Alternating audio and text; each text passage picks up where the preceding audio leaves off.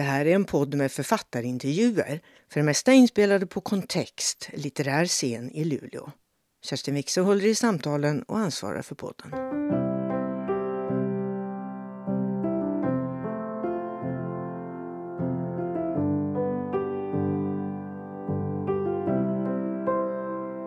Så roligt, Elin-Anna, att ha dig här. Du finns ju sedan tidigare i vår podd. Ja. Men då var vi i eh, Porjus. På Laponiaporten i Porjus. På Laponiaporten i Porjus. Under pandemin. Un ja, det var ju modigt av oss. Ja, det var kanske tio personer som lyssnade, har jag för mig. Nej, nej, nej. nej hela Porjus var där. Ja. Jag det var jättemycket folk. Men du, nu är vi i Luleå och nu har jag lärt mig att eh, på lulesamiska så heter det Julevo. Mm. Berätta, det betyder någonting till och med. Julevo betyder, eller Luleå säger man också ibland, är ju österut. Så öster om, österut. Öster om fjällen. Öster om fjällen. Mm. Du, då går vi in på det här med en gång. Den har ju kommit ut, den här fina romanen Far inte till havet på nordsamiska samtidigt som den kom ut på svenska. Och då på den här samiska utgåvan, där står det ett annat namn också. Jonna Gusto Elinana. Mm. Berätta, hur kommer det samiska namnet till? Vad, vad står det för? Gusto förstår jag är din pappa. Ja, Gusto är min pappa, Nils Gustav, eh, kallas för Gusto på samiska. Och Jonna är min farfar. Så det är alltså Jonas, Gustos, Elin, Anna. Och så kan man om man vill förlänga det ännu längre bak om man behöver definiera sig ännu mer och lägga till risterna Jonna, Augusto och Elin, Anna. Då är det som tre led tillbaka. Så kan man fortsätta om, om man vill. Men det här är liksom the short version. ja. Men det betyder att så när du, för du träffade någon i Porjus som la till det där risten ja. som kände till din... din... Mm, Lars Unga, han, eh, han kunde säga... Han är den enda jag har hört som har sagt det. Så att som, ah, det är du som är risten Jan Augustos flicka. Så, så att han kunde, och då vet man att ah, han har varit med, för hon dog eh, 1960. Så han har, han har varit med. Han kan, ja. Men de här namnen betyder då att man kan, man kan liksom härleda släkten och mm. dina föräldrar och farföräldrar och sådana. Ja, det är fint. Du, eh, du skriver alltså på svenska. Lea Simma har gjort översättningen till, till eh, nordsamiska. Och så kom böckerna ut samtidigt. Det var lite viktigt för dig.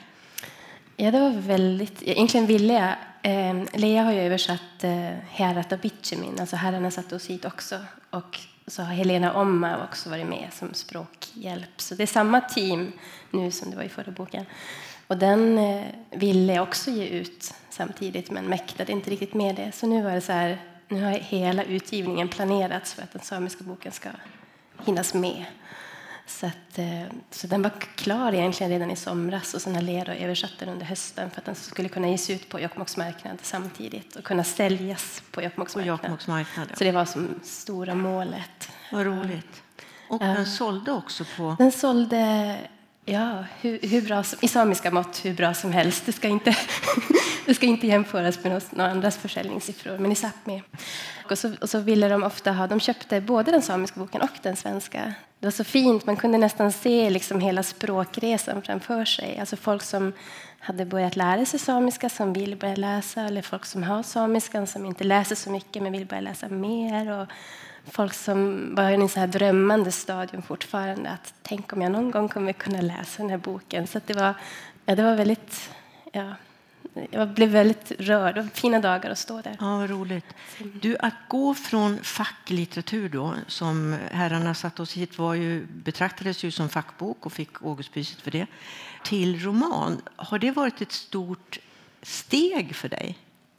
Eh, ja, både och på sätt och vis så tänker jag att de, är ju, de bygger ju på berättelser båda två. Och i Sápmi så är man inte lika engagerad i den, just den här genrebeskrivningen av att liksom klassa det som facklitteratur och som skönlitteratur och så, utan att det är liksom mer berättelsen som är grunden. det är klart att det är skillnad, för det här är inte verkliga personer, de har aldrig funnits. Och i Herrarna satte oss hit så var de ju absolut väldigt, väldigt verkliga. Och jag jobbade ju så väldigt mycket med research, men den bygger ju också mycket på, på berättelser, så på något sätt är som grundarbetet samma. Men sen är det klart att det är någonting helt annat att skriva en skönlitterär bok och det ska sitta ihop och det ska, det ska vara människor som på något lever, sätt lever och, och ja. kommer till liv. Och, men kände du, dig, kände du dig friare? Var det, ro, var det roligt? Ja, det var jätteroligt. Ja. ja, det var otroligt roligt. Inte i början, men det blev roligare och roligare. Jag slet ganska mycket i början. Var som att jag hade kvar den här journalisten på ena axeln och så hade jag den här som ville skriva en roman på andra och de här, så här bråkade med varandra. Och det tog ganska lång tid för mig att kunna tysta den där personen som ville att det skulle vara exakt rätt årtal och så här sa den och så här. Det tog jättelång tid för mig innan jag förstod att de behöver inte ens vara tvångsförflyttade. Ganska länge så tänkte jag att de, det är klart att de måste vara det, för, att, för så var det ju på riktigt. Och det var en sån oerhört lättnad när jag kom på att nej, det behöver de inte vara. Jag kände mig ganska dum ganska ofta som var så fast vid att det skulle vara på ett visst sätt. Men ja, det är väldigt, väldigt ja, roligt. roligt. För du, du, gör ju, du gör ju också så att du, du specificerar ju inte platser och så i, i romanen, även om man då sen kan räkna ut var du befinner dig. Kanske vi ska säga att dedikationen i romanen, då skriver du så här, till er i byarna under sjön. Och sen låter du själva sjön tala. Vi ska återkomma till det. Men en tidig mening i romanen är ju rätt brutal. Sjön låg i kåtan. Så börjar berättelsen kan man säga. Så att romanens yttre, handlingar, eh, yttre handling det är ju de här dämningarna då av Stora Luleälvs källsjöar. Fyra olika omgångar från 20-talet till 70-talet och som dränkte samiska bosättningar. Men det är ju också en väldigt personlig historia för dig. För det här är ju ingen hittepå-berättelse. Det här finns i din släkt. Ja, ja, den finns utanför fönstret varje morgon och varje kväll hela somrarna och höstarna och vårarna. Så det är ju... I Vaisalukta? I Vaisalukta. Det har vuxit upp. Så det är ju... Ja, jag har bott i en kåta som jag flyttat för att backen är borta och det finns inte kvar. Så det finns liksom ingenting att ta på utav det som var mitt barndomshem. Det har bara försvunnit ner i det här regleringsmagasinet. Så eh, jag har ju bara egentligen behövt liksom inte ens sträcka ut mig så helt långt heller utan bara liksom kunna sätta ut handen och på något sätt plocka. Alla de här miljöerna finns ju hemma. Och så här. Det, här, det finns ett litet blått bord i boken med en sån här låda som har bångnat av fukten i kåten. En sån hade vi. Så hade vi spelkorten i den och så fick man så här dra för att ta ut dem och lyfta på en vaxduk som luktade så lite mögel. Och så det har varit ganska fint att på något sätt få så här låta Inga då i boken få liksom återuppleva min barndom i den här kåtan. Mm. Så och kärleken till den där kåtan. Kärleken till kåtan, ja. det ska vi också återkomma till. Alltså vi talar ju alltså då om vattenmagasinet Akkajauri. Men i, i boken har den ju inget namn, utan den heter Sjön och sen heter den så småningom Havet. Mm. Men eh, många av de här berättelserna fick du liksom lite grann på köpet när du gjorde Herrarna också, en del av dem. Och så visste du inte riktigt vad du skulle ha dem till. Nej, jag sparade dem. Jag var ändå så pass klok att jag tänkte att jag inte skulle... Eller i början hade jag nog tänkt att de skulle vara en del av Herrarna satt oss hit. För där finns ju ett kapitel, om någon har läst den, att, eh, där man kommer fram till ett dammbygge och så hör de liksom hur det bara bonkar och låter i den här dalen och så kommer de fram till ett stort dammbygge som ju då är eh, Suorva-dammen i Herrarna satt oss hit. Och då resten av det kapitlet blev i den boken. Men sen resten av de berättelserna sparade jag ju till bättre tider. Så det, det, har ju blivit det här. Men det är också andra berättelser om tvångsförflyttningen och andra personer som jag har mött. Äldre personer, en del är från Västerbotten och en del är liksom inte alls i närheten av Vaisalokta. Mm. Men de kunde på något sätt berätta om den hemlöshet som ju, Följde. Ja, som ju boken handlar om. Så att, um, alla är ju inte bybor, utan ganska många är också bara Ja, men precis. Men, men alltså själva ramberättelsen är alltså inte hittepå. Men romangestalterna är ju det. Så att, mm. vilka är det nu som konstaterar att sjön låg i kåtan? Dina huvudpersoner. Ja, då möter man Inga. Hon är dotter i en liten familj med tre kvinnor. Och hon är 13 år när man då träffar henne. Och hon har sin mamma som heter Rauna. Och så har hon då en moster som ju också är som en mamma, en, en extra mamma som heter Anne. De här tre kvinnorna bor hemma. Så det hände hon ser då för första gången, för hon har ju då aldrig någonsin upplevt det här tredje gången. Hon är ju då tonåring. Men både Anne och hennes mamma, för dem är det ju tredje gången det här händer, så de, är ju, de har ju den här berättelsen sedan tidigare. De är vana liksom. Och när de då kommer fram till sommarvistet, de visste att, att, eh, dammen skulle höjas, men de visste de hade ingen information om när. Nej. Så de blir ändå eh, rätt chockade, för de har ju inte fått någon chans att, att ta vara på det som finns i, i kåtorna till exempel, vilket man kan ju tycka är lite häpnadsväckande. Du skapar sådana bilder direkt, liksom, tycker jag, i, när man börjar läsa den här romanen. Här vadar nu byns människor ut i vattnet alltså, för att rädda det som räddas kan ur sina torvkåtor och vattnet bara fortsätter och stiger. Liksom. Det är en sån filmisk scen ju. För kåtorna är till hälften dränkta när de kommer fram till, till eh, sommarvistet. Men Inga hon, hon stannar kvar på stranden där. Och så skriver de att hon är sjörädd. Vad är det för begrepp? Sjörädd? Nej, men hon, eh, de har ju, hon har ju alltid fått höra att man ska du får vara på sjön, för de, är ju fisk, de fiskar ju mycket. Det är ju deras som huvudsyssla och liksom det de får in pengar på. De fiskar för att sälja och så. Så att hon är ju liksom absolut eh, eh, och så pass gammal att hon förväntas hjälpa till, och liksom, precis som en vuxen. Så att hon, är ju, hon kan ju fiska och hon kan allting med nät och så, men man ska aldrig vara i vattnet. Och är du i vattnet så ska du fort upp ur vattnet, så du ska inte vara i sjön och du får inte liksom gå ut i sjön och absolut inte bada och så, utan det finns den relationen till sjön att du ska den samiska titeln Alemana Meri det är ju, skulle också kunna översättas som passa dig för sjön, liksom, akta dig för sjön. Så.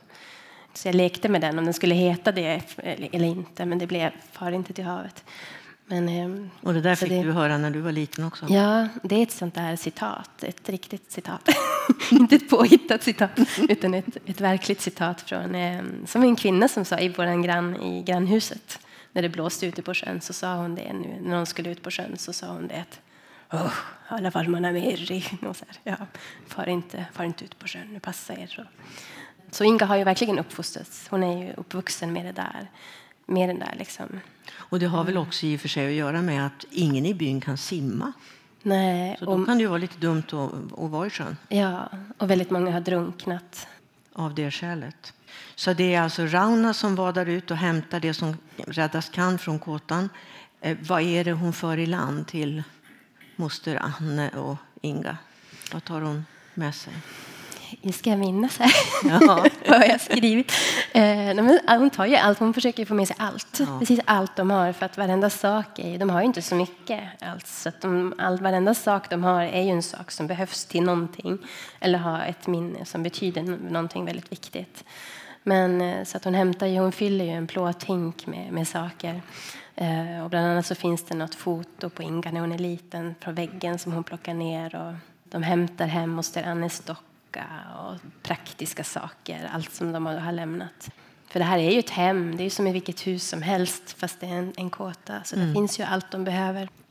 Du, sen dagen därpå då säger hon till eh, sin dotter att vi hamnade på jordens vackraste och sämsta plats. Och så åker de ut igen och nu hämtar, hämtar hon någon kedja och då, då är ju kåtan nästan helt dränkt. Liksom. Det, och då skriver du fram det som något litet Atlantis där. Alltså man tittar ner och där finns kåtorna och där finns kallkällan och där finns stigarna liksom, som Inga har sprungit på som barn och lekstenen. Och, och hon har också varit med om att Rauna har, när de har varit ute med båten, så hon pekat ner i vattnet och sagt där är du född. Mm. Under vatten. Alltså. Ja. Och det där är en sån helt verklig händelse som att så, så förhåller sig folk i, i byn där jag är uppvuxen. Att ja, men där ute, där var han född, där var den och där var den där hunden, den där berättelsen. Där, den där, där brann den där tiken inne i, med valparna och där Eh, där låg skolkåten så pekar de ut över det här regleringsmagasinet som om det vore vilket landskap som helst. Och så sitter man där och har ingen känsla alls för att det är ett, en by eller ett, en värld. Utan att, så att det, det var fint att få vara romanförfattare den här gången. För då kunde jag som bygga upp allt det där som jag bara har hört. Så där.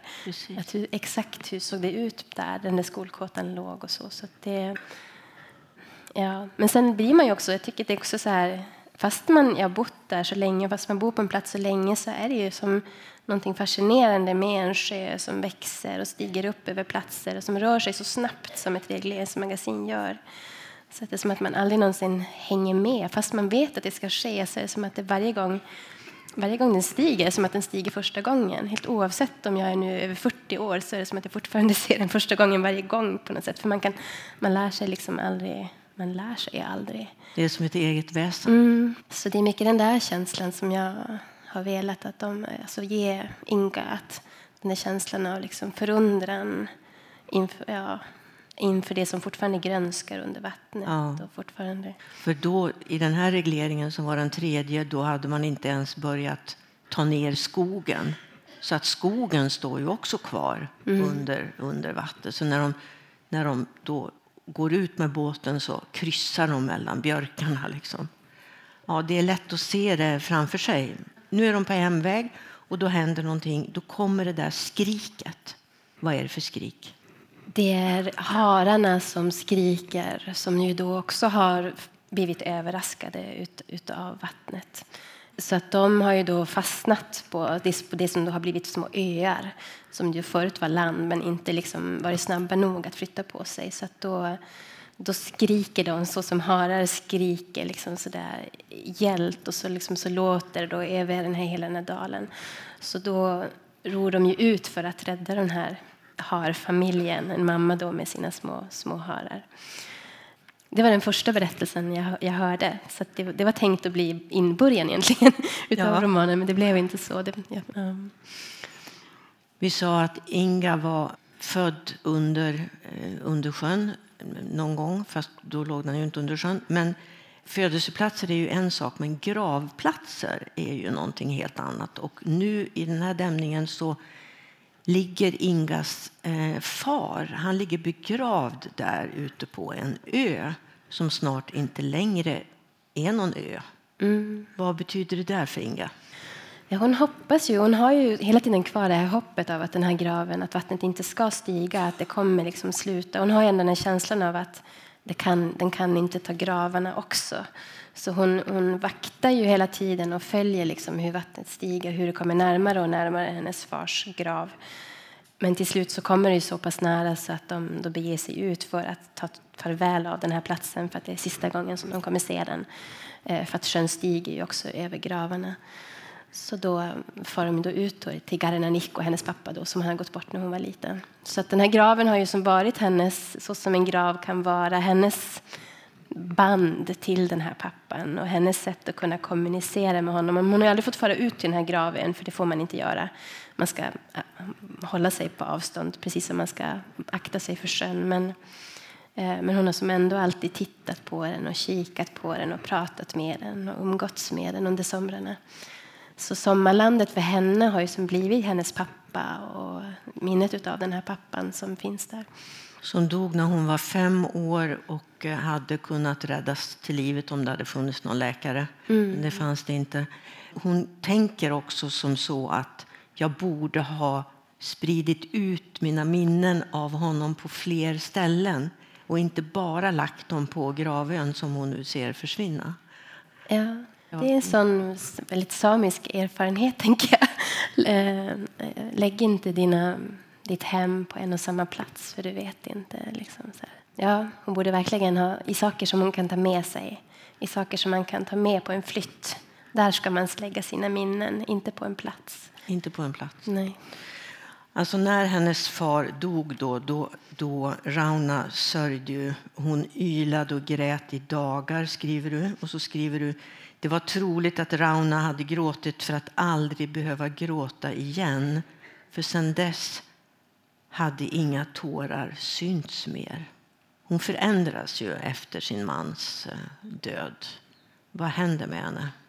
hon blir den här starka, eller jag vet inte om starka är rätt ord, men i alla fall den här ensamstående mamman då som ska klara allt det här själv. Och det är också i en värld som börjar förändras så att, att kvinnans roll som en renskötande kvinna är inte lika självklar mer, för vi är inne på 40-talet. Så att det håller på allt mer på att förändras till en mer liksom manlig, mansdominerad domän där folk börjar ifrågasätta henne. Att ska du vara kvar i samebyn, du som inte du som är kvinna och ska du liksom, vad är din plats här och så. Så att hon måste ju på något sätt eh, göra sig, skaffa sig älghud som, som Inga ju då reflekterar över i boken, att hon måste få den här väldigt, väldigt, väldigt så här tjocka, starka huden för att liksom klara sig.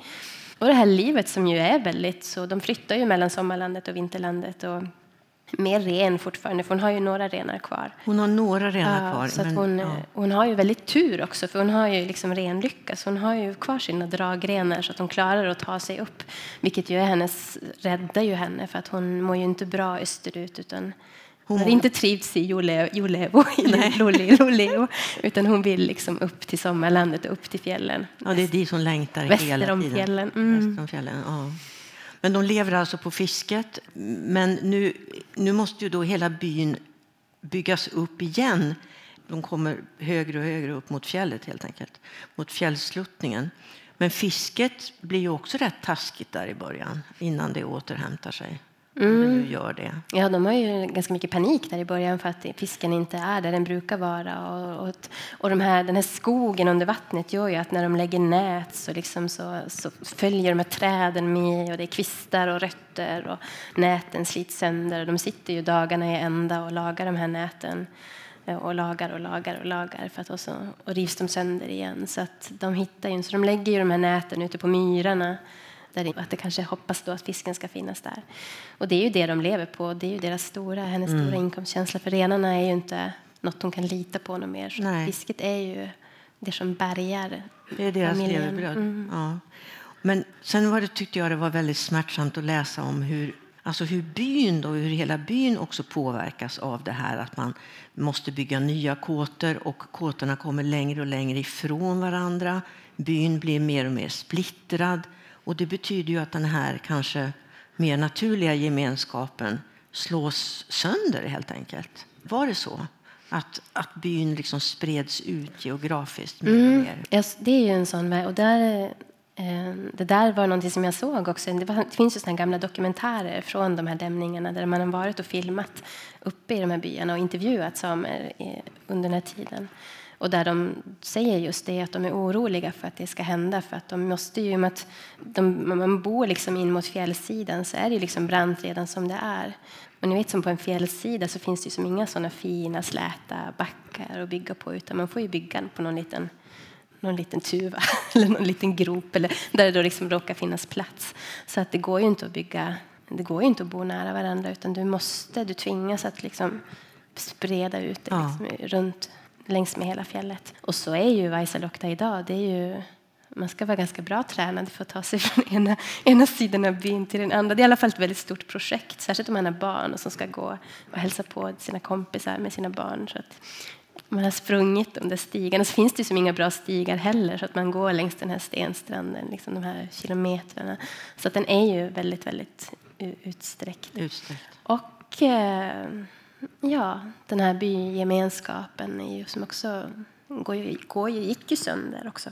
På riktigt också. Och den, mm. som den gör i boken. Mm. Och Rauna blir rätt ensam. Men så får vi då träffa Ante. Ja. Vem är han då? Jag gillar Ante. han är lite min som favorit. Eh, även om han inte har jättestor plats i boken. Men han är ju då som Raunas särbo.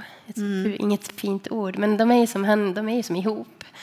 Fast de bor inte tillsammans. Och hon vill ju inte bo med honom heller för då kan hon inte så tänka riktiga tankar om hon har honom för nära sig hela tiden. Så hon behöver sin, sin, sitt utrymme. så.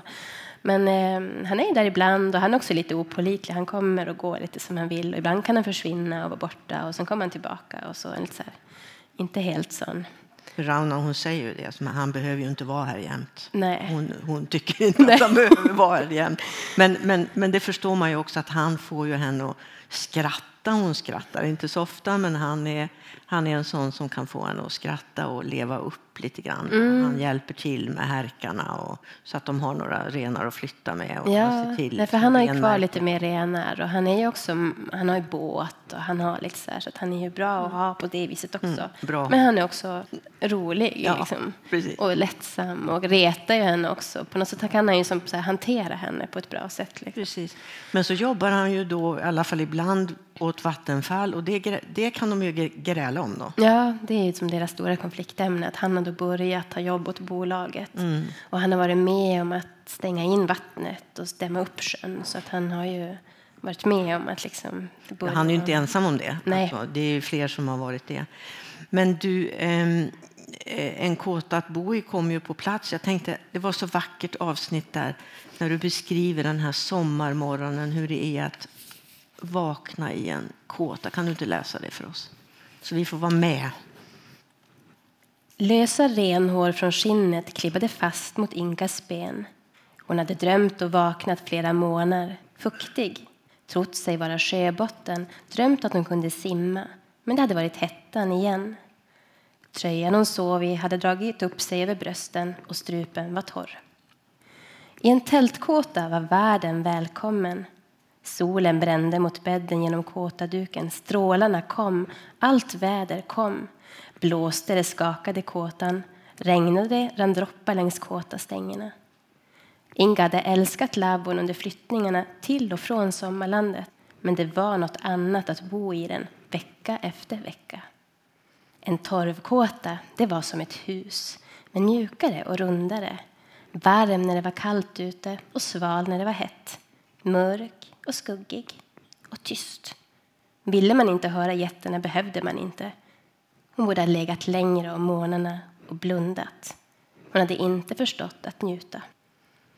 Elden knastrade och hon lyfte en springa i rakasen låg i sovtältet och såg på Rauna som flätade om håret. Rauna verkade ha behållit delar av sin morgonceremoni.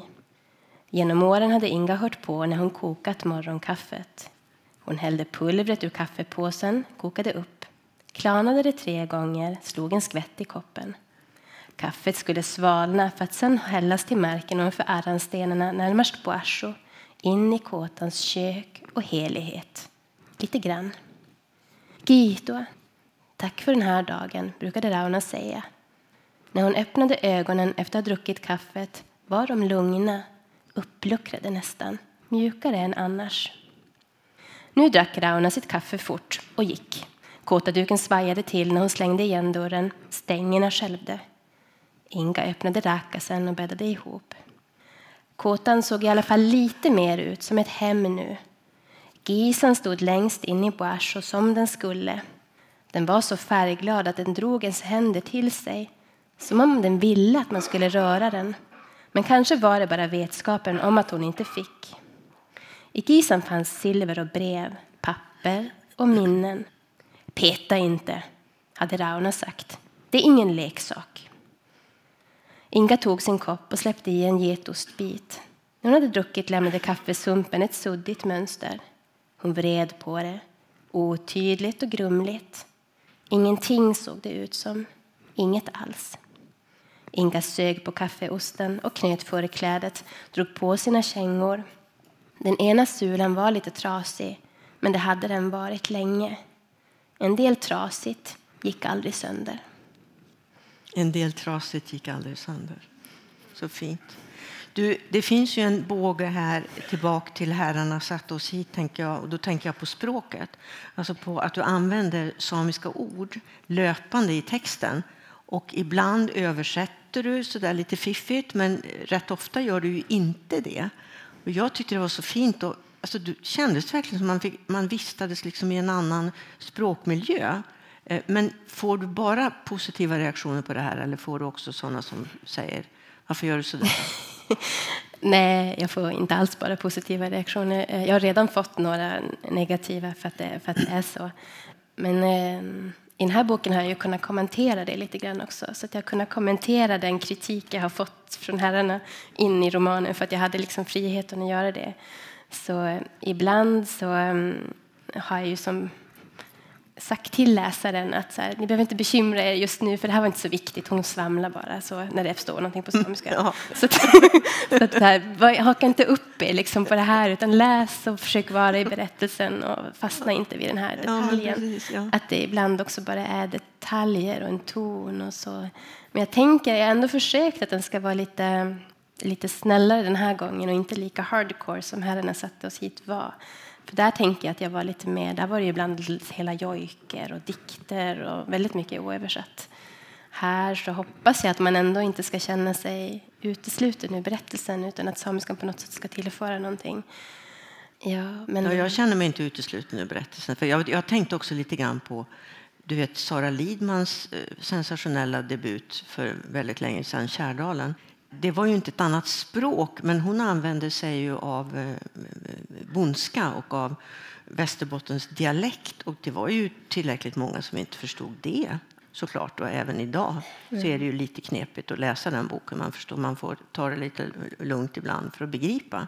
Men det, det sätter ju någon sorts atmosfär också. Alltså att man får vistas i ett annat språkligt rum. tänker jag. Ja. För mig blir det tydligt nu när jag läser den så som jag gjorde nu att när, samiska, för när de samiska orden kommer så är det som att jag som själv stannar till i texten på något sätt. Och det är som att de orden går in också, när, även om jag har läst den texten så ofta. Så det är någonting. För mig blir de som här som små, små magiska öar nästan som ligger där och som är såna, Ja. ja, men det är fint. Du, eh, ibland så berättar ju Inga och ibland berättar Rauna och ibland berättar också sjön. Och det här med att sjön eh, eller sjöarna har en egen röst. Det var ingenting som var självklart från början. Eller? Ja, eller ganska länge, men jag visste inte riktigt hur jag skulle göra det. Hur skriver man ens en sjö? hur, låter, hur gör man det? Så det var inte så här, jag visste inte. Jag, ähm, den har haft massa olika former. Ibland i tag så såg det ut som en jojk. Och ett tag så såg det ut som såna riktiga dikter. Och sen blev det långa berättelser som blev korta. Så jag har hållit på så mycket med att försöka få ihop dem. Så det är, typ, det, är det sista jag har skrivit, är de här sjötexterna. För att jag hade liksom svårt att hitta, hitta fram.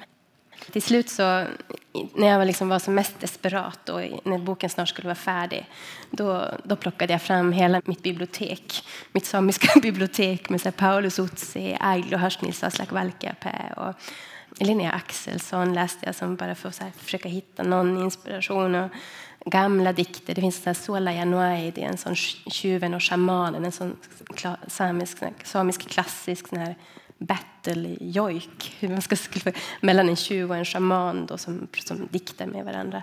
Så jag tog fram Johan Tori, inte minst. Mm. Så jag behövde liksom ta, ta hjälp av liksom av hela samiska litteraturhistorien liksom, för, att, eh, för att hitta fram. Så har man läst sin samiska litteraturhistoria, vilket kanske inte jättemånga har, eh, tyvärr, så kan man nog hitta lite referenser. Jag var sju sjöar som satt ihop när svartkläderna kom längs mitt vatten. De fyllde mig och tömde, tömde och fyllde. Tog mig och jag kunde bara viska. Snälla, låt mig vara. Snälla, jag ber. Bäckarna från fjällen fastnade, de tvingade mig djup. Jag blev till hav och inga vattenfall hördes mer. Jag jäste och vågorna steg. Jag var ljust fjällvatten som blev mörka hål och blött tyg sjönk. Jag hade kåtornas mjuka väggar mot min mun de vita spetsarna från kvinnornas mössor de som gick ut på min svaga is. Vi är här fortfarande, Nana, vi lämnar inte. De sjöng Sivojaure, den goda sjön. Men mitt minne skulle försvinna. Jag välde. Det är fint. Och sjön återkommer då några gånger liksom genom romanen och blir allt mer sorgsen, kan man väl i alla fall avslöja. Ensam och sorgsen. Mm, övergiven. Mm. Övergiven, ja. Alltså hela tiden så överraskar du mig i den här romanen med olika språkliga uppfinningar, får jag väl säga, och metaforer som är fantastiska. Och så ibland så måste jag stanna upp på sånt som, är, som gör mig extra nyfiken och som jag kanske inte alltid begriper. Som till exempel när Inga vid ett tillfälle hittar en av de där harungarna som de räddade och då är ungen död och då skriver du hon hade känt igen teckningen, nyanser, fläckar, kropp. Hon knöt former till minnet som alla barn i byn hade lärt sig. Jag kanske kan ana vad det betyder, men kan du förklara vad det där betyder? Jag tyckte det var helt glasklart. Hon knöt former till minnet. Jag menar att man så här, Don Chanyo tinkas, du, så här, du knyter saker. Don Chanyo, Paulus Utsis dikt eh, Don Chanyo mo sa, du knyter dig till mig. Alltså du, det är helt solklart. det är helt solklart. Ehm, eh, nej, men att hon... Eh, eh, eh, jag tänker, det är så här saker som renskötande barn lär sig. Så du lär dig liksom, det är ett sätt att, att föra liksom, kärlek till, att till djur, att göra den självklar. Att du, lär, du ger dina barn de mest tydliga djuren, de kalvarna med så särskilda tecken och särskilda horn, alltså att du som, som de kan känna igen även om de är väldigt små. För då kan de både så här, åh, oh, där är min ren och vara glada för att de har sett den. Men de, de minns den också. På något sätt så, det är som ett första steg in i att börja lära sig se vad som är ditt i den här stora massan av djur. Så att man, eh, man lär sig att eh, minnas saker och så spåra, känna igen saker i naturen och känna igen djur och känna igen där är min och där är den där. Det, det betyder det. Det betyder det. ja. ja, det är fint. Så kommer det då ett brev och då skriver du brev fick inte vänta Anne visste att brev var som småfåglar på kåta stängerna. De var aldrig ett gott tecken. Det är mycket fåglar i den här romanen ja, överhuvudtaget. Ja, men det där var, tycker jag var en rolig metafor. Ja, men så är det ju. Så, ja. så är det. Så är det. det är inte bra med småfåglar Nej. på kåta stängerna. Nej, det är väldigt dåligt. Ja. Varför det? Nej, men det är dåligt. Alltså, fåglar är ju sånt där... De ska inte vara där. Nej, de ska, de ska vara där, men de ska inte de ska inte vara på fel plats Nej. vid fel tid och de ska inte komma alldeles för nära vid konstiga tillfällen. Du ska studera dem så att du vet att, hur läget ligger. Om de är, så, att, så att du ska som har varit ganska obs på fåglar. Och fåglar. Om fåglar beter sig väldigt konstigt så ska du verkligen vara extra Jag vet varsam. Att, att du, du har ju obs på fåglar. Ja, du, du jag har lärt mig. Ja. Du tittar mycket på fåglar. Jag tittar jättemycket på fåglar. Till exempel så, trodde, så finns det sådana gamla berättelser att om en, om en fågel sätter sig på barnets vagga då blir man som mor helt livrädd. För att vad, vad händer då när, när fågeln har tagit sig så nära ett litet barn och satt sig liksom på, den, på dess bädd? Då är det liksom ingenting. Um, men det finns också, jag har inte bara hittat på, det finns väldigt mycket berättelser om just fåglar. Oerhört mycket så, i det här när jag har intervjuat så blir man och pratar mycket om fåglar. Jag skulle kunna skriva en hel bok om fåglar nästan. Så eh, de här ugglorna till exempel, som, det är bara någon kort mening i boken där det sitter ugglor på, på boderna före dämningen som ett så dåligt tecken. Så som de då förstår först senare. Att det är mycket det där det där borde vi ha anat, de där ugglorna. eller den där göken eller den där lilla fågeln. Så, så här. Att man så här, i efterhand, liksom, ja just det, vi blev ju faktiskt varnade. Mm. Vi, vi, var inte tillräckligt mm. uppmärksamma. Mm. Okay. Alltså brevet då är varken Anne eller Rauna kan ju läsa det. Inga, hon har ju gått tre år i skola så hon kan läsa så här hjälpligt. Men det är ju då från lappfogden. Och då skriver han så här. Staten bör inte under några förhållanden medverka till lappbefolkningens bosättningar. För Rauna har ju alltså ansökt om, att, om ett lån för att bygga ett hus. Staten anser att dessa, alltså lapparna, mår bäst av att som i gamla tider följa renjordarna. Lapparnas rasegenskaper torde knappast lämpa sig för bofasthet. Du ordar inte så mycket mer om det om rasbiologin, men det är ju rätt tydligt, den här meningen finns ju med i boken, att, att den här lapp ska vara lapppolitiken vilar på rasbiologisk eh, grund. Det är ju helt mm. tydligt.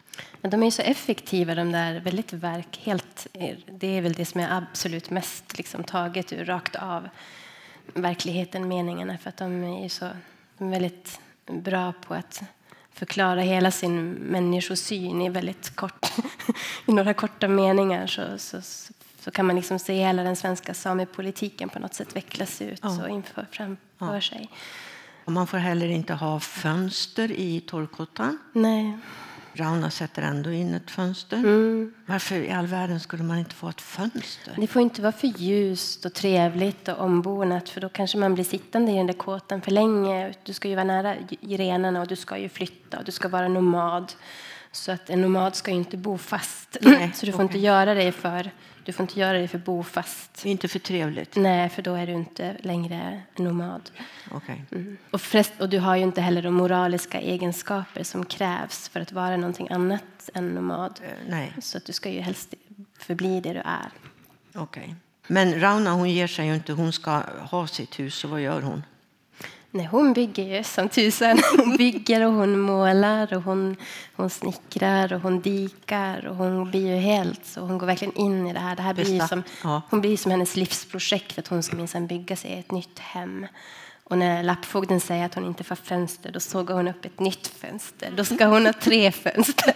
Så att hon, det är som hon... Ja, när hon, ehm, hon tar dit en spis. Och... Ja, när hon gör ju verkligen alltid. Hon får ju också som eh, byn emot sig att de börjar ju som klaga på att du ska inte, man ska inte gapa efter för mycket och du ska inte tro att du så här kan att försöka nu förhålla dig till de här spelreglerna som finns och det vi får göra och så. Så hon har ju de här fogdarna inne i byn också som eh, har blivit små lappfogdar eh, fast hemma vid. Mm. Alltså hon har ju, det finns en kvinna där som heter Ditte som hon och jag har känt sedan barnsben. Och du är, väldigt, du är väldigt rolig när du skriver om henne. För att istället för att skriva att hon är väldigt pratsam så skriver du ända sedan de hade varit unga hade Ditte kompenserat för alla i byn som inte längre visste vad som fanns att säga. Det är väldigt, det är väldigt roligt. Och hon säger just det där. Ingen ska bo i hus, vet folk som bor i kåta. Det vet alla och så vill vi inte bråka. Nej. Vi är ett folk som inte bråkar. Så hon, Rauna blir, blir ju inte alls hjälte i byn, utan tvärtom. Hon blir ja. mer och mer, vad gör hon? Det här är farligt. Mm. Men vad förlitar sig Ditte på, mer än Gud och sin konservativa man? Ja, också att, att du... Hon har ju varit med förr. Hon har ju redan hon har sett byn dämmas hon har ju sett hur lite de har kunnat göra och hur, hur lite de har kunnat påverka. Så det är inte så att hon är liksom oerfaren och så. Så på sätt och vis så har ju hon också rätt. Att eh, ja, bygg dig inte någonting för fint och gör det inte för hemmastad. Um, för att du kommer inte, det kommer inte gå bra om du gör det. Om du tror dig kunna bo någonstans uh, och lita på det. Mm. Lite motstånd gör hon. Det är lite roligt tycker jag när den där myndighetspersonen kommer och ska staka upp för någon ny dämning där, fjärde dämningen då ska han bo över en natt i byn. Och då visar hon honom till en förskräcklig kåta där hon vet att det springer råttor och är fuktigt och mögligt. Och ja. Det är ju lite grann motstånd. Ja, ja, hon gör ju lite motstånd, men det skulle aldrig synas liksom någonstans. Eller någon skulle aldrig liksom märka det, och så, förutom de som vet. Och hon hämtar ju vatten borta vid båtarna till, han, till bolagschefen där vart de brukar liksom rensa fisk och sådär. Ja, Inte i bäcken där varann tar vatten. Ja, så hon är ju som, ja, hon är som Gaviel säger ju Raun, att hon är ju ganska slug. Men eh, man, det får inte synas för mycket att man protesterar. Det ska Nej. vara lite sån Ja. Osynligt. Mm. Vända mössorna bak och fram mm. och sånt där som ingen märker av myndighetspersonerna. Nej, då har man gjort bra motstånd. Om, ja, ingen, om ingen ser, då har man lyckats bra. Mm. Du, de bor ju då i, eh, inte hela tiden, det här är ju sommarland, sommarlandet så att säga. Sen i vinterlandet är det ju eländigt, eh, där de bor under vintern. Myran kallar du det i, i romanen. Uttjänta baracker utan, alltså de bor liksom med alla de här kraftledningarna och så har de inte el och de har inte vatten och, så vidare. Alltså en kåkstad helt enkelt. Så Rauna gör ju då ännu en djupt förbjuden sak. Hon kallar dit tidningen. Hur går det då? Ja, men hon skrev ju brev då till, till kuriren så, och som, som då, ju då kommer dit och har ju någon förhoppning om att bara hon bara folk ser och bara folk får kunskap, på samma sätt som folk kanske tänker nu om klimatkrisen, att bara folk vet så kommer man göra någonting åt det. Hon har ju den känslan av att bara folk får veta hur vi har det så kommer det här liksom att ändra på sig. Så, så då ber hon ju dem komma hit och det går ju inte så bra för henne. Eh, men de kommer ju dit, journalisterna, och de fotar och, och de skriver. Och här har jag ju kunnat hänga i på Arkivcentrum här i Luleå och läsa de här artiklarna som man ju faktiskt skrev om de här kåkstäderna. Så det här med East End, norra Sverige, det är en sån tidningsrubrik som Jokkmokks East End. Det var vad man kallade de här, helt eh, så som de bodde. Fast i boken har jag ju förlagt det till 40-talet. Egentligen så är det in på 60-talet. Så att det är liksom, verkligheten är lite värre än vad just romanen är. Ja, det är ju helt här. otroligt. Mm. För här i boken, i romanen är det 40, 40 mm. Men menar, den här journalisten, han är ju likadan som, eh, som lappfogden. Alltså, det är ju plågsamt att läsa om, om honom. Han tycker då, precis som fogden, att lapparna kan få vara här så länge de bor i kåtor, för det, det är trevligt. Och så för, den här förvandlingen han gör av deras samiska namn. Rauna får ju då heta Ragnhild på storspråket, som du kallar det. För att reporten anser att det är hennes riktiga namn och det ska skrivas med riktiga bokstäver. För att läsarna är väldigt känsliga för främmande ord. Har ni hört? ja.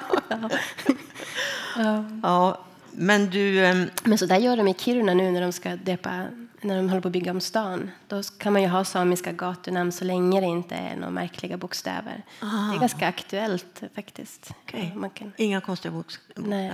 Nej. Men du, efter det här katastrofala reportaget då, så blir ju inte Rauna bättre mottagen i byn, speciellt inte av Ditte. vad, är det som, vad är det som händer? Nej, men de går ju runt, då, de här fotograferna, och de, eh, de fotar ju och ganska privata saker. Och det här är ju människor med väldigt stor integritet och en historiskt uppbyggd skräck inför eh, både media, som ju, då har man ju inte det ordet, men, men tidningar och Foton. fogdar och, och allsköns herrar och poliser. Och, så... Eh, att då liksom vika ut sig på det där sättet som man då anser i byn att hon då har gjort. Att hon har liksom visat upp deras misär och deras liksom inför folk och på något sätt beklagat sig och så. Det är ju inte så, här så gott sätt. Men också lite farligt. att eh, För man vet inte så var, vart det kan hamna om man berättar det. Eh, och man vet inte, bilder kan också vara farliga för man vet inte vad, så här, vad som händer med, vad finns det för kraft i att bli satt på, ett, på en på foto? Och vad finns det för... Liksom, ja, du kan hamna i källare och i arkiv och du vet inte vad för slags källare och arkiv du kan hamna i och vad för slags pärmar och så. Så att man ska liksom vara väldigt noga med vem man... Um, så det är också en sån, ja, en sån rasbiologisk erfarenhet som de har att var försiktig med fotografer, var försiktig med vem du släpper in och vem du släpper nära din kropp och dig själv. Så men här är det då en fotograf som har liksom smugit runt mer eller mindre där och tittat in i fönstren och tagit en bild som ju Ditte tycker är förskräcklig. Vad är det för bild? En potta. En, en kisspotta. En kisspotta. Ja. Det, ja. Som står på hennes bord. Ja, som de har fotat och satt i tidningen. Mm. Mm. Och den här tidningsartikeln har ju inte du hittat på som du sa, utan den finns ju i ett arkiv här i Ja, Luleå. Ja, och den kisspotten är filmad, så det är en sån tv, alltså tv-klipp. Mm. Rauna eldar upp tidningen. Mm. Hon är inte nöjd med resultatet. Samerna skulle ju då inte klara av det här, anser ju fogden, att bygga hus. För han, fogden säger ju att bosättningen ska avvecklas, inte utvecklas. Och eh, de skulle inte klara av att bygga hus eftersom de inte har moral och karaktär att arbeta metodiskt. Så var det med det. Mm. Men Rauna hon bygger. Mm. Och du sen, sen målar hon när huset är klart. Hur målar hon? Det är som att hon längtar efter färg. Ja, hon tycker om färg. Hon målar alla färger hon kan hitta. Så det är liksom det som råkar råkar komma henne. Bara det är färg. Så. Livet är för kort för att inte ha färg. Så det är rött och det är gult och det är rött Och det är inte bara, men det är mycket så. Och det där är ju från, du, Kerstin har faktiskt varit på det som är förebilden till myran i Porjus, där min pappa är uppvuxen i en sån liten gammal barack. Så det har varit ganska lätt att hitta den här inspirationen, för den har ju bara funnits där på deras gamla gård, där de, de växte upp, eller gård, men på den arrendetomten de hade. Då finns det ju, inte om du minns det, men innan man går in i den här lilla baracken, där så dörren hänger liksom på, den, den hänger, den sitter knappt liksom i ett sånt gångjärn. Så att det är som på, ja, det är bara taket har liksom rasat in. Och... Vi höll på att få dörren på oss när vi skulle... Ja. ja det, är som, det ser ut som en liten sån, det ser verkligen ut som en liten boda, ett litet förråd, men det var, det, det, var deras hus, det var där de bodde. Och där inne så är det ju så där, liksom, det är blått runt fönstren och det är grönt och det är rött. Och det, är så här, det är målat ungefär som i boken. Jag blev så förundrad över det. Tänk att bo i det här rucklet och ändå måla. Så det är så jag vet inte, det är så här, här, här är mitt hem, här bor jag. Det, det är så fint på något sätt. Så. Jag gör det så fint jag kan. Ja, liksom. så, och det är mycket, mycket jag kan verkligen relatera, jag kan, jag kan ja. förstå henne, för jag har bott i sådana, sådana fiskeläger, alltså på Lofoten, man har bott ovanför en fiskefabrik och man försöker ju som göra det så mysigt man bara kan, mm. mitt i den där torsklukten och så. så att hon, eh, nej men hon, ehm, hon, hon, det är så viktigt för henne det där att, liksom här, att göra sig ett hem och skapa sig ett hem. Det är som hennes stora drivkraft i livet, att få mm. bo någonstans och få och det är mycket med gardiner också i romanen. Ja. Med, med, gardiner för fönstren som också ska vara vackra ju. Mm. Och, och tvättas. Liksom. Anne, ska vi säga, hon, i romanen, hon har en hemlighet som vi inte ska avslöja här. Men systrarna är ju då väldigt olika. Alltså Rauna är ju mer utåt och Anne är inåt kanske. Hon är, där Rauna är stark är Anne rätt skör. Men det är ju Anne som är nästan mer mamma för Inga än det är hon som ger henne. De pratar om drömmar, de pratar om det underjordiska. Hon lär henne liksom alla hushållssysslor och sådär. Och de delar säng. Mm. Och hon berättar, det gör ju Rauna inte. Så hon är på något sätt någon slags, eh, ger henne någon slags historia och sammanhang och någonting som är större än den här lilla kåtan. Någon mm. slags mm. bakgrund till vem hon är och någon förståelse för var hon kommer ifrån och vem hon är. Precis. Så, ibland är hon ju på det humöret. Då kan hon berätta hur länge som helst. Och ibland så gör hon inte det. Då är hon tyst, mm. och väldigt tyst, och går undan. Men Rauna gör sig också väldigt ensam också i den här treenigheten, så att säga. Hon blir väldigt ensam. Hon har en gammal vän i Sunristin. Mm. Och där har du också en sån rolig metafor. De två kan tala om allt utom om politik. För det rundade Sunristin som om det vore en vak i sjön. Varför kan de inte prata politik? Nej, men hon, är, hon vill inte bli påmind om sånt. Hon, hon försöker liksom, hon är en ganska lättsam person och, och, vill liksom vara här och nu och vill inte alltid hålla på och prata om de här fogdarna och de här liksom, um, men svåra saker och jobbiga saker. Håller på att gräva i saker och så här. Nej. Hon har med också väldigt praktiska lösningar. Hon tycker att Rauna kan väl byta namn. Och hon kan väl, eh, liksom, då skulle hon kunna söka lån i ett annat namn och då kanske hon till och med skulle få ett jobb. Det där låter ju väldigt mycket som modern invandringspolitik, höll jag på att säga, råd mm. som invandrare får. Ja. Byt namn så kan du ja. få ett jobb. Nej, det är hämtat från Kiruna rakt av.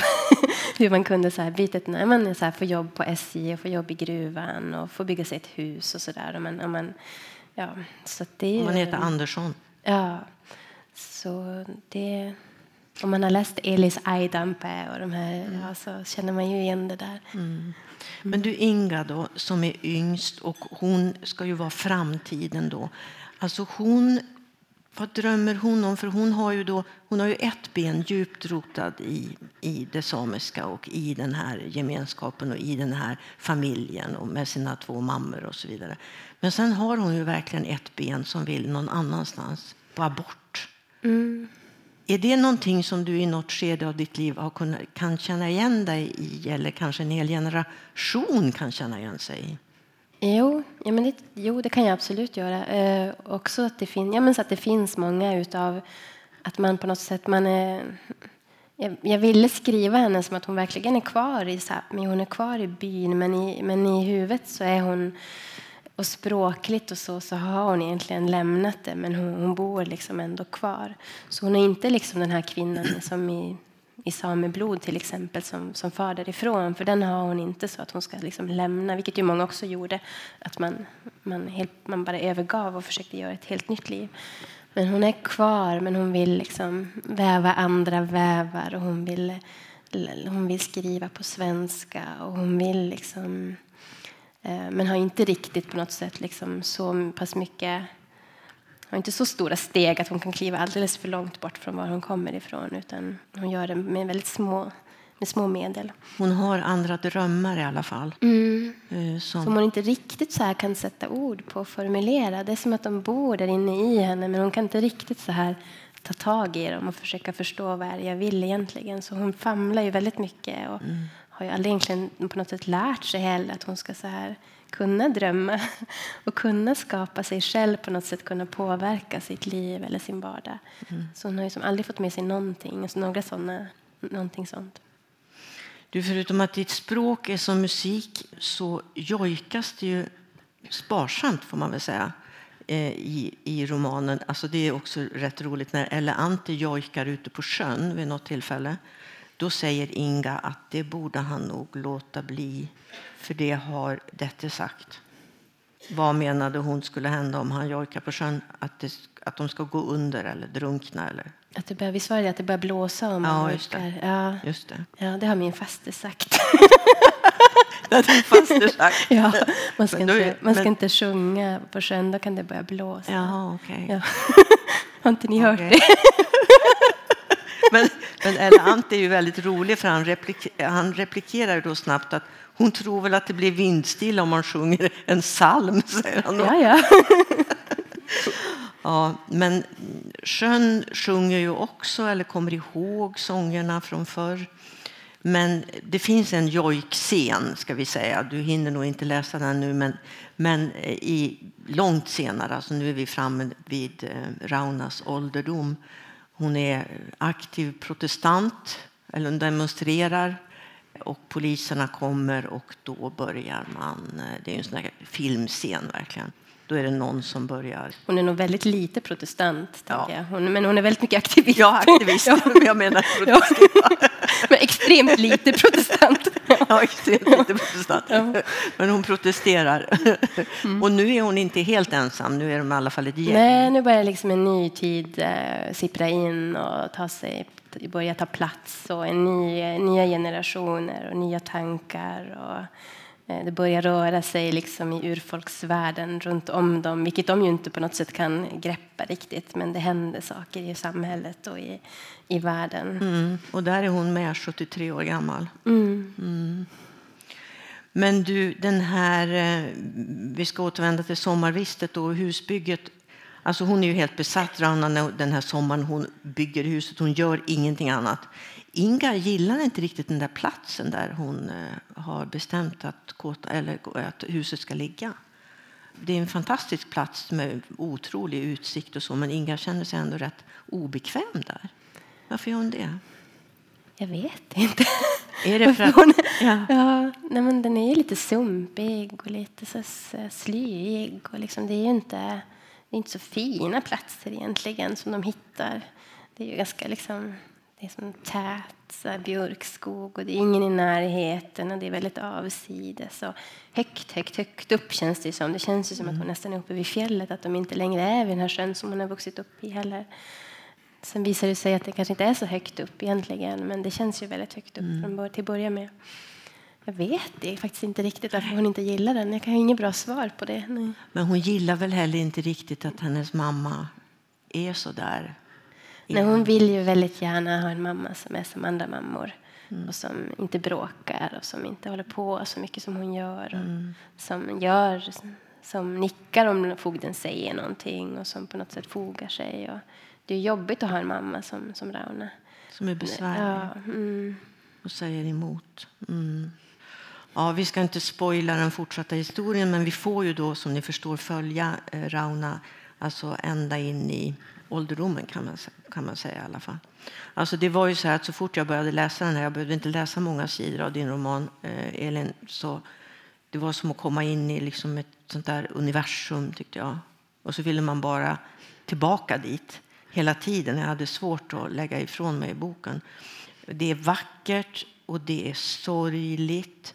Och så är det också lärorikt på något sätt, för det är absolut inte därför man läser den här boken. Men, man, men jag, lär mig ju, jag lär mig ju jättemycket. Man kommer väldigt nära. Och så tycker jag det är så fantastiskt att du viker ju inte heller för sånt som man kanske inte kunde prata om för 20 år sedan. Att det finns splittring inom den samiska gruppen, folk tycker olika saker, kvinnans ställning är kanske inte självklar. Alla de här sakerna finns ju i din roman. Och det är så befriande tycker jag. Var det svårt? Ehm, det hade varit svårare i en fackbok från, från min hemplats att skriva, skriva det. Men där, där ger ju romanen en helt annan frihet att de här människorna inte har funnits och att man på något sätt kan måla upp en, en bild av en, en kanske en... Um, ja, så... Um, nej. Men jag har inte fått några reaktioner ännu hemifrån. Så jag vet inte, jag kanske ska återkomma med det, vad de, vad de tycker. Ja. Men det är, ju alla, det är ju en berättelse som är väldigt långt från det där, ni vet, det där kolorerade vykortet på, liksom utanför en, en torvkåta med en samisk familj uppradad och gulliga renar i bakgrunden. Det är ju väldigt långt ifrån den, den bilden. Ja, Nej, men jag har ju också hittat mycket inspiration i min egen familj och mina fastrar. Och de har ju liksom varit väldigt nära de här kvinnoporträtten delvis. Och de är underbara berättare och de är väldigt, liksom, väldigt, väldigt roliga. Så att, eh, ja. ja. Du, det är ju fler än jag som gillar den här romanen. Jag har ju ingen, inget inflytande på hur det går för din bok, men redan nu ser det ju många länder, länder, alltså andra länder som har köpt den för att eh, den ska översättas och komma ut. Hur roligt är det? Nej, men helt, det, och så var det ju inte med förra boken. Den är, så det här är som, verkar ju vara en helt... Men på något sätt liksom tilltala ja, långt bort långt bort. Långt bort det, det, ja, nej, väldigt, väldigt roligt. Jag är lite extra glad också för att den så här är såld till Finland. Det är liksom så här, för att jag har läst ganska mycket om det. I Finland finns ju också de här stora dammprojekten som vi har, såna storskaliga dammar. Så jag har läst ganska mycket om sådana och liksom inspirerats av det. Så det känns som att den är liksom delvis lite finsk. Så det är lite så det tror jag inte de vet om, men jag är väldigt glad för det, att, att, den, på något sätt, att den ska säljas dit. Alltså, du reser ju redan nu en hel del. Din familj, ni flyttade från Jokkmokk var det förra året till Norge. Du, din man och dina tre barn. Och du reser redan nu eh, rätt mycket. Och då kanske det blir fler resor här. Klarar du det? Alltså till olika länder? Ja, men jag vet inte. Det kan bli roligt. Kan, ja, vi får se. Ja, ja men jag, men jag tycker inte om att resa så långt. Så, så det, till Finland kan jag åka. det blir Finland. Vad roligt för, för, för, Finland. Men du, skriver du redan på något nytt? Nej, det hinner du inte nu. Eh, men du har idéer? Jag har idéer. Jo, det har jag. Nej, jag har inte hunnit, men jag har, jag har saker. Jag, vill väldigt, jag skulle väldigt gärna vilja skriva en till roman nu när jag har lärt mig hur man eh, lärt mig mer så att inte den här journalisten som satt på axeln tror jag kan vara lite tystare den här gången. Det skulle vara kul att börja skriva skönlitterärt från början och inte vara så fast vid ett faktiskt en hel låda full med intervjuer utan att ha någonting som är helt och hållet bara fantasi. Det har jag aldrig testat, så det, så det skulle vara roligt. Det ser vi fram emot. Du får, du får skicka den där journalisten i exil. Ja. Mm. Eller vila lite. Ja, vila lite. Ja. Precis. Man behöver vila mer ja. än man gör. Ja. Precis. Mm. Tack, Elin Anna Labba, för att tack. du till slut landade här på kontext. Ja, Och tack publiken.